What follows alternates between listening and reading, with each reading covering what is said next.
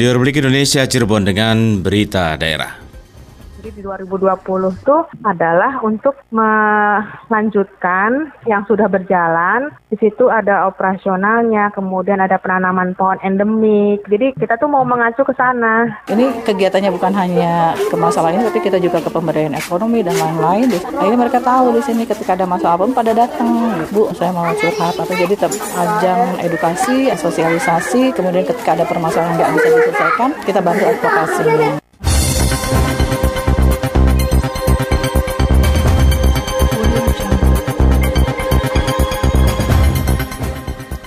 Bersama saya, kami akan hadirkan rangkaian keseluruhan berita daerah pagi dan kami sampaikan terlebih dahulu sehari berita. Pemerintah Kota Cirebon dinilai kurang memanfaatkan lahan untuk dijadikan ruang terbuka hijau. Pimpinan daerah Aisyah Kabupaten Cirebon membangun rumah gizi Aisyah di Blok Pelausan Desa Sampiran Kecamatan Talun. Berita daerah selengkapnya dibacakan Piana Alwansyah. Kami mulai informasi pertama, pemerintah kota Cirebon dinilai kurang memanfaatkan lahan untuk dijadikan ruang terbuka hijau. Selengkapnya disampaikan Lengga Ferdiansyah. Ruang terbuka hijau RTH di kota Cirebon baru mencapai kurang lebih 11 persen. Angka itu masih jauh dari target pemerintah sebesar 20 persen dari luas wilayah kota Cirebon. Pemerhati lingkungan kota Cirebon, Bambang mengatakan wilayah kota Cirebon sebenarnya masih memiliki lahan kosong yang belum dimanfaatkan atau dijadikan RTH. Salah satu contohnya bekas galian C Argasunya dan Taman Kerucuk. Begitu juga lahan yang telah diserahkan oleh pihak pengembang ke pemerintah kota Cirebon bisa dialihfungsikan dan dimanfaatkan menjadi ruang terbuka hijau. RTH di kota Cirebon itu kurang banyak dimanfaatkan oleh pemerintah. Lahannya sudah ada, tapi tidak terlalu banyak, tapi bisa dimanfaatkan sebenarnya. Sebagai contoh, Taman Kerucuk itu bisa dijadikan ruang terbuka hijau. Kalau kita berbicara itu, kita bisa duduk bareng ya antara pengusaha pengembang ya, lantas aktivis lingkungan, BLH, mewakili pemerintah, kita duduk bareng, kita garap pot-pot mana yang perlu kita benahi untuk ruang terbuka hijau. Gitu. Sementara itu, Kepala Bidang Penataan dan Peningkatan Kapasitas Lingkungan Hidup, Dinas Lingkungan Hidup Kota Cirebon, Vina Amalia mengatakan, dari 11% ruang terbuka hijau yang dimiliki Kota Cirebon terdiri dari Taman Keanekaragaman Hayati, Taman hutan raya, dan taman kota. DLH Kota Cirebon tahun ini memprioritaskan Taman Keanekaragaman Hayati yang berlokasi di Kebon Blok, Kecamatan Harjamukti. Luas Taman Keanekaragaman Hayati tersebut sekitar 4,27 hektar. Dinas Lingkungan Hidup itu kan punya RTH yang terkawal terkait dengan kawasan pelestarian alam itu yang di Taman Kehati itu kan luasannya 4,7 hektar. Jadi di 2020 tuh adalah untuk melanjutkan yang sudah berjalan. Di situ ada operasionalnya, kemudian ada penanaman pohon endemik. Jadi kita tuh mau mengacu ke sana. Vina Amalia mengajak kepada warga kota Cirebon agar ikut berpartisipasi dalam mewujudkan target luasan ruang terbuka hijau. Gerakan satu orang menanam satu pohon sangat berarti terlebih pohon adalah pabrik oksigen. Lenggo Fediansa, melaporkan. Mendengar berikut komentar masyarakat mengenai minimnya ruang terbuka hijau yang berhasil dihimpun RRI. Nama saya Wandi, saya tinggal di Kelurahan Karya Mulia, Kecamatan Kesambi, Kota Cirebon. Jadi Kota Cirebon itu kan sekarang makin ke sini makin maju ya pembangunan di mana-mana. Nah, pembangunan ini ya sebaiknya jangan mengabaikan ruang terbuka hijau karena bagaimanapun juga ini adalah kebutuhan gitu kan. Apalagi dengan apa intensitas kendaraan di Kota Cirebon yang makin tinggi tentu saja kehadiran ruang terbuka hijau itu sangat dibutuhkan sekali supaya pasokan oksigen di kota juga tetap bagus, polusi udara bisa ditangkal dengan adanya ruang terbuka hijau ini. Jadi diharapkan Pemkot Cirebon yang memperhatikan kebutuhan akan ruang terbuka hijau di Kota Cirebon tentu saja. Terima kasih. Nama saya Heri, tinggal di Majasem. Kalau menurut saya Kota Cirebon ini masih minim ruang terbuka hijaunya. Ya, diharapkan pemerintah segera membuat ruang terbuka hijau untuk kota Cirebon ditambah lagi kayak di kabupaten itu banyak ruang terbuka hijau dan asri. Coba di kota Cirebon agar nggak panas pekat gitu Saya Evan dari Cipto, Mas. Kalau menurut saya RTH di Kota Cirebon emang sangat-sangat kurang ya. Apalagi sekarang kemacetan makin banyak. Cuman mungkin agak sedikit kebantu yang di Jalan Sidarsono kayak mau dibikin ruang terbuka hijau kayak taman gitu itu menurut saya lebih bagus gitu. Jadi lebih cantik tamannya. Untuk membahas lebih lanjut mengenai minimnya ruang terbuka hijau, kita akan ikuti wawancara reporter Alex Sunardi dengan akademisi Cirebon, Dr. Arif Rahman MSI. Baik Pak dosen Arif Rahman, Kota Cirebon ini ruang terbuka hijaunya masih cukup minim dan mungkin hanya ada beberapa saja tempat yang menyediakan ruang terbuka hijau ini. Betul, Kalau betul. Pak Arif Rahman sendiri terkait ruang terbuka hijau di Kota Cirebon yang masih cukup minim ini, komentarnya seperti apa Pak? Ya betul bahwa sebetulnya penyediaan lahan hijau merupakan salah satu kewajiban dari pemerintah daerah, kota maupun ya kabupaten untuk menyediakan menyediakan sarana bagi masyarakat untuk berkumpul, untuk melepas lelah, yang kalau dalam bahasa komunikasi, tempat untuk berkumpulnya ide-ide, gagasan, maupun pandangan terkait dengan situasi yang terkini di kota tersebut. Sebagai contoh, kalau dalam bahasa Habermas itu, public space, apa ruang publik itu merupakan ajang dari semua masyarakat untuk mengekspresikan gagasannya, mengekspresikan keinginannya, mengekspresikan kebutuhan kebutuhannya yang disampaikan secara santai, secara nyaman di tempat yang kita sebut sebagai ruang publik. Nah, terkait dengan keadaan di Cirebon, memang keberadaan ruang publik yang mampu untuk menampung kegiatan masyarakat untuk berkumpul dan melakukan kegiatan yang nyaman, yang santai itu memang sangat terbatas. Dan kalaupun ada, ada beberapa lokal yang menurut saya belum terpelihara dengan baik. Ada beberapa sebetulnya lokasi yang bisa kita jadikan sebagai ruang publik sedikit ya, kecil-kecilan, tapi itu belum dimaksimalkan dengan baik. Di beberapa desa di Kabupaten Kuningan, itu depannya itu sudah menjadi ruang publik. Mereka bisa kumpul pada sore hari, melepas lelah, bercengkrama dengan para tetangga, dengan keluarganya, ada arena bermain untuk anak-anak dan sebagainya. Dan saya pikir ini seyogyanya juga dilakukan di Cirebon untuk bisa memberikan kesempatan masyarakat untuk melepas kelelahannya. Kalau bicara seberapa penting ruang terbuka hijau bagi masyarakat kalau menurut Pak dosen seperti apa Pak? Ya, ruang hijau terbuka itu selain untuk paru-paru kota karena dia bisa menyerap polusi yang terjadi, juga untuk tempat berkumpulnya masyarakat melepas penatnya gitu. Saya melihat beberapa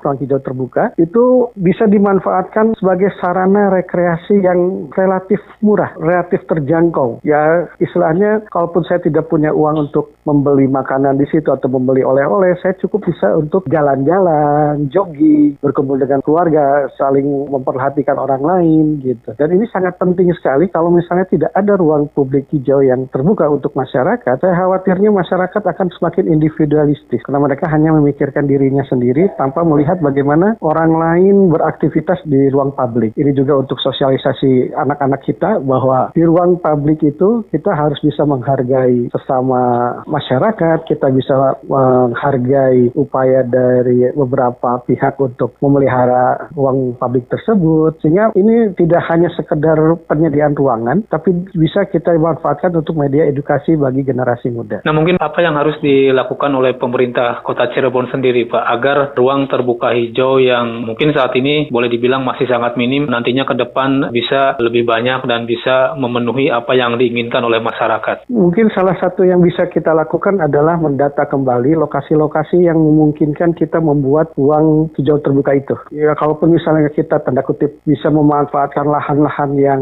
tidak terpelihara, mungkin kita bisa kontak sama pemiliknya, kita jadikan itu apa ya semacam ya kita sewa lah lahan itu untuk pengadaan lahan terbuka itu. Sehingga nanti mungkin setiap tempat yang kosong, yang semula terbengkalai, yang dipenuhi dengan rumput-rumput yang tinggi gitu ya seperti itu yang tidak terpelihara, kita bisa jadikan sebagai media untuk lahan hijau terbuka itu. Tentu saja mungkin ini kita harus konfirmasi dulu dengan pemilik lahan. Ya moga-moga tidak ada biaya terkait dengan pengolahannya karena ya lahan yang terbengkalai kemudian kita jadikan sebagai ya, berdaya guna saya pikir bagi para pemilik lahan yang mungkin tidak sempat memperhatikan lahannya itu merupakan satu pemeliharaan lah sehingga dia tidak perlu mengeluarkan uang untuk memelihara. Masyarakat yang mengadakan ruang hijau terbuka itu dan masyarakat bisa menikmati karyanya sendiri. Jadi kita bisa memaksimalkan selain lahan yang kosong, kita juga bisa mengajak masyarakat berpartisipasi secara langsung untuk memelihara lahan kosong tersebut menjadi ruang publik hijau terbuka itu. Terkait upaya pemerintah Kota Cirebon sendiri, kalau menurut Pak dosen Arif sendiri, apakah upaya dalam menciptakan ruang terbuka hijau di Kota Cirebon ini sudah maksimal atau belum, Pak? Saya pikir dengan ketersediaan lahan yang memang kalau di Kota Cirebon sangat sempit, kita cuma segitu-gitunya lahannya. Tapi saya pikir kita bisa memanfaatkan walaupun mungkin itu hanya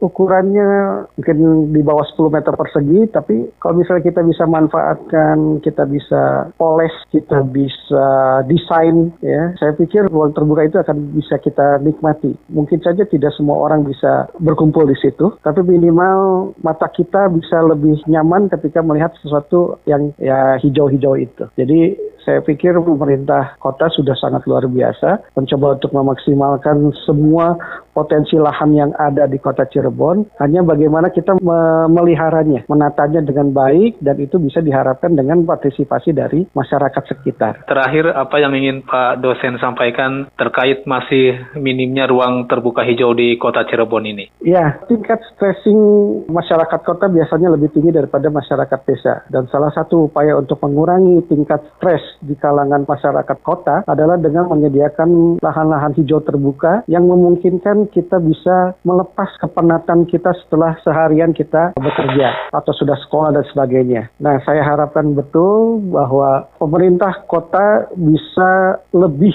menyediakan lahan-lahan tersebut yang manfaatnya tidak hanya pada pemerintah kota dalam mengayomi masyarakat, tapi lebih juga kepada masyarakat yang menikmati sarana untuk relaksasi, untuk rekreasi rekreasi yang murah dan meriah. Sehingga kita mungkin saja di situ bisa juga memaksimalkan potensi kesenian daerah, kuliner daerah, dan sebagainya. Saat ini Anda sedang mengikuti berita daerah Radio Republik Indonesia Cirebon. Pimpinan daerah Aisyah Kabupaten Cirebon membangun rumah gizi Aisyah sebagai wadah curahan masyarakat, khususnya di blok Pelausan Desa Sampiran, Kecamatan Talun. Informasi selengkapnya dilaporkan Yulianti. Pimpinan daerah PD Aisyah Kabupaten Cirebon merespon program pusat dengan menginisiasi pembangunan rumah gizi Aisyah di Blok Pelausan Desa Sampiran, Kecamatan Talun. Melalui kepedulian dan donasi salah satu kader Aisyah, rumah gizi Aisyah terwujud untuk mendekatkan berbagai informasi kepada masyarakat. Ketua PD Aisyah Kabupaten Cirebon Sri Ratna Istiqomah kepada RRI mengatakan, Rumah Gizi Aisyah merupakan tempat masyarakat khususnya kaum ibu dan pasangan usia subur serta remaja untuk mencurahkan keluhan atau berkonsultasi tentang permasalahan kesehatan seperti reproduksi, penyakit kanker serviks, kesehatan lingkungan dan lainnya. Orang kalau ada masalah atau mau konselingnya ke mana ya gitu, tapi kalau ada wadah gitu kan mereka udah tahu. Di sini kan banyak sekali ditemukan benjolan gitu anak-anak yang diisi dan kemudian ada yang sudah cukup parah. Mereka kan nggak paham gitu harus ke mana periksanya awal ke mana rujukan. Ini kegiatannya bukan hanya ke masalah ini tapi kita juga ke pemberdayaan ekonomi dan lain-lain. Akhirnya mereka tahu di sini ketika ada masalah pun pada datang. Bu saya mau curhat. Atau jadi ajang edukasi sosialisasi. Kemudian ketika ada permasalahan yang nggak bisa diselesaikan kita bantu advokasi. Sri Ratna Istiqomah menambahkan di blok Pelawasan masih terdapat gizi buruk. Namun, pihaknya bersama filantropi lain yang tergabung dalam Rumah Gizi Mengantisipasi supaya tidak berkembang menjadi kasus stunting.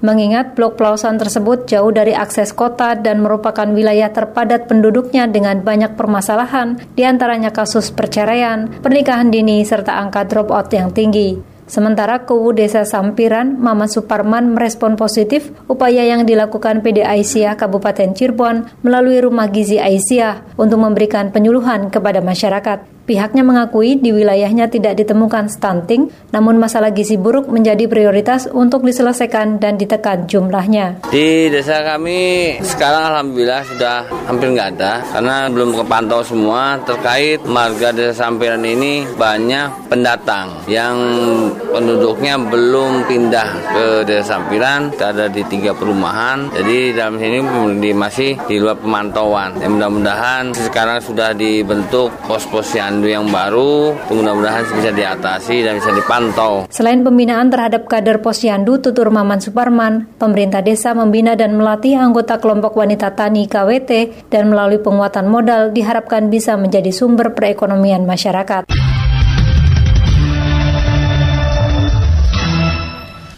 Pemerintah Desa Babakan Losari Lor, Kecamatan Pabedilan berharap pembuatan sodetan atau gorong-gorong untuk mengatasi permasalahan banjir di desanya. Informasi selengkapnya disampaikan Alek Sunrati. Banjir yang melanda desa Babakan Losarilor, Kecamatan Pabedilan, Kabupaten Cirebon selalu terjadi setiap tahun terutama saat curah hujan sangat tinggi. Kubu Babakan Losarilor, Didi Sutardi kepada RRI mengatakan banjir yang terjadi di wilayahnya bukan diakibatkan dari luapan sungai Cisanggarung, akan tetapi dari saluran irigasi yang bermuara ke sungai Cisanggarung di mana saat Sungai Cisanggarung debit airnya tinggi, air dari aliran sungai irigasi tidak bisa mengalir ke Sungai Cisanggarung sehingga akhirnya meluap ke permukiman masyarakat. Didi Sutardi menegaskan untuk mengatasi permasalahan banjir yang selalu terjadi di desanya, pihaknya sudah mengusulkan untuk pembuatan sodetan atau gorong-gorong. Saya pun sudah ngobrol dengan beberapa yang berkepentingan. Saya dengan masyarakat dan bersepeda mengusulkan sodetan istilahnya untuk pembuangan ke arah kali sekunder. Didi Sutardi menambahkan meski sudah berulang kali diusulkan ke pemerintah daerah maupun pihak-pihak terkait, namun sampai saat ini belum juga terrealisasi, sehingga banjir selalu terjadi di desa Babakan Losarilor, terutama saat curah hujan tinggi seperti saat ini. Banjir yang terjadi pada minggu malam kemarin merendam lebih dari 500 rumah yang berada di Blok Pom dan Pahing dengan ketinggian mencapai dada orang dewasa. Alex Sunardi melaporkan.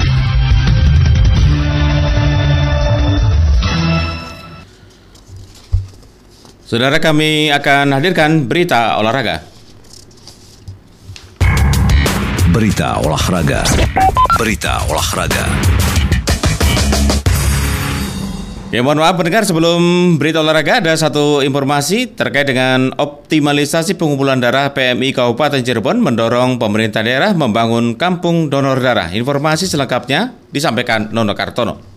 Seiring dengan telah diraihnya sertifikasi cara pembuatan obat yang baik atau CPOB dari Badan Pengawas Obat dan Makanan BPOM, permintaan darah di PMI Kabupaten Cirebon terus meningkat. Untuk itu PMI mendorong pemerintah daerah bisa membangun kampung donor darah di tingkat kecamatan. Hal itu diungkapkan Ketua PMI Kabupaten Cirebon Haja Sri Heviana kepada media di sela musyawarah kerja Kabupaten Muserkab PMI Kabupaten Cirebon di salah satu hotel berbintang. Menurut Heviana, dengan sertifikasi CPOB, PMI Kabupaten Cirebon dituntut bisa memenuhi dalam pengumpulan darah setiap bulan sebanyak 5.000 labu darah. Pihaknya mengapresiasi respon aktif Pemda Kabupaten Cirebon guna bersama mewujudkan kampung donor darah. Kalau untuk kegiatan yang saya sampaikan tentang masalah kampung donor darah, beliau itu sangat setuju sekali karena itu juga tidak eh, secara tidak langsung membantu juga dengan program-program pemerintah daerah. Karena di sini yang tadi saya sampaikan, kenapa saya bisa cerita tentang PDW KSS? Karena dulu saya pernah mengalami menjadi ketua PM, eh, ketua tim penggerak PKK dengan melalui program PDW KSS ini ternyata program yang begitu besar dan beratnya itu bisa kita tangani karena dengan adanya kebersamaan. Jadi dengan adanya program yang bersama-sama, jadi kan PMI tidak bisa berdiri sendiri. Kami membutuhkan juga dari dinas pengairan, dari PU, kesehatan, gitu kan. Ini semua mencakup keseluruhan. Jadi kalau misalnya kami bagian tentang masalah darahnya, nah nanti pemerintah daerah yang membackup untuk lingkungannya. Ditambahkan Heviana, meski kampung donor darah masih dalam proses rintisan, tetapi untuk pembinaan kampung dan para pendonornya sudah dilakukan sosialisasi. Di Diakui target pengumpulan darah 5.000 labu tiap bulan belum tercapai karena baru di angka 3.500 hingga 4.000 labu. Upaya meningkatkan perolehan darah dengan mengadakan sosialisasi melalui gerakan PMI kecamatan. Selain itu, guna mendukung pencapaian target, pihaknya mengoptimalkan peralatan dengan standar internasional, termasuk gedung PMI Kabupaten Cirebon. Nono Kartono melaporkan.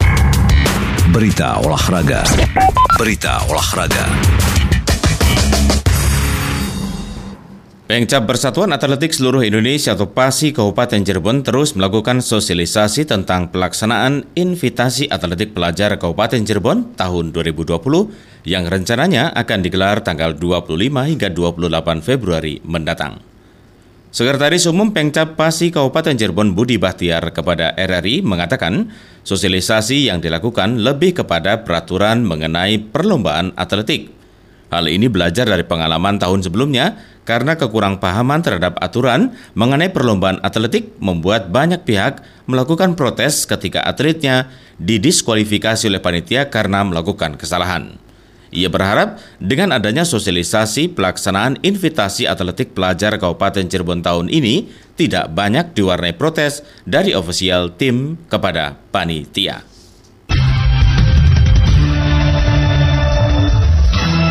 Berita olahraga tadi mengakhiri rangkaian keseluruhan berita daerah pagi. Selamat pagi dan sampai jumpa. Demikian rangkaian berita aktual pagi ini dalam Buletin Berita Daerah Radio Republik Indonesia Cirebon.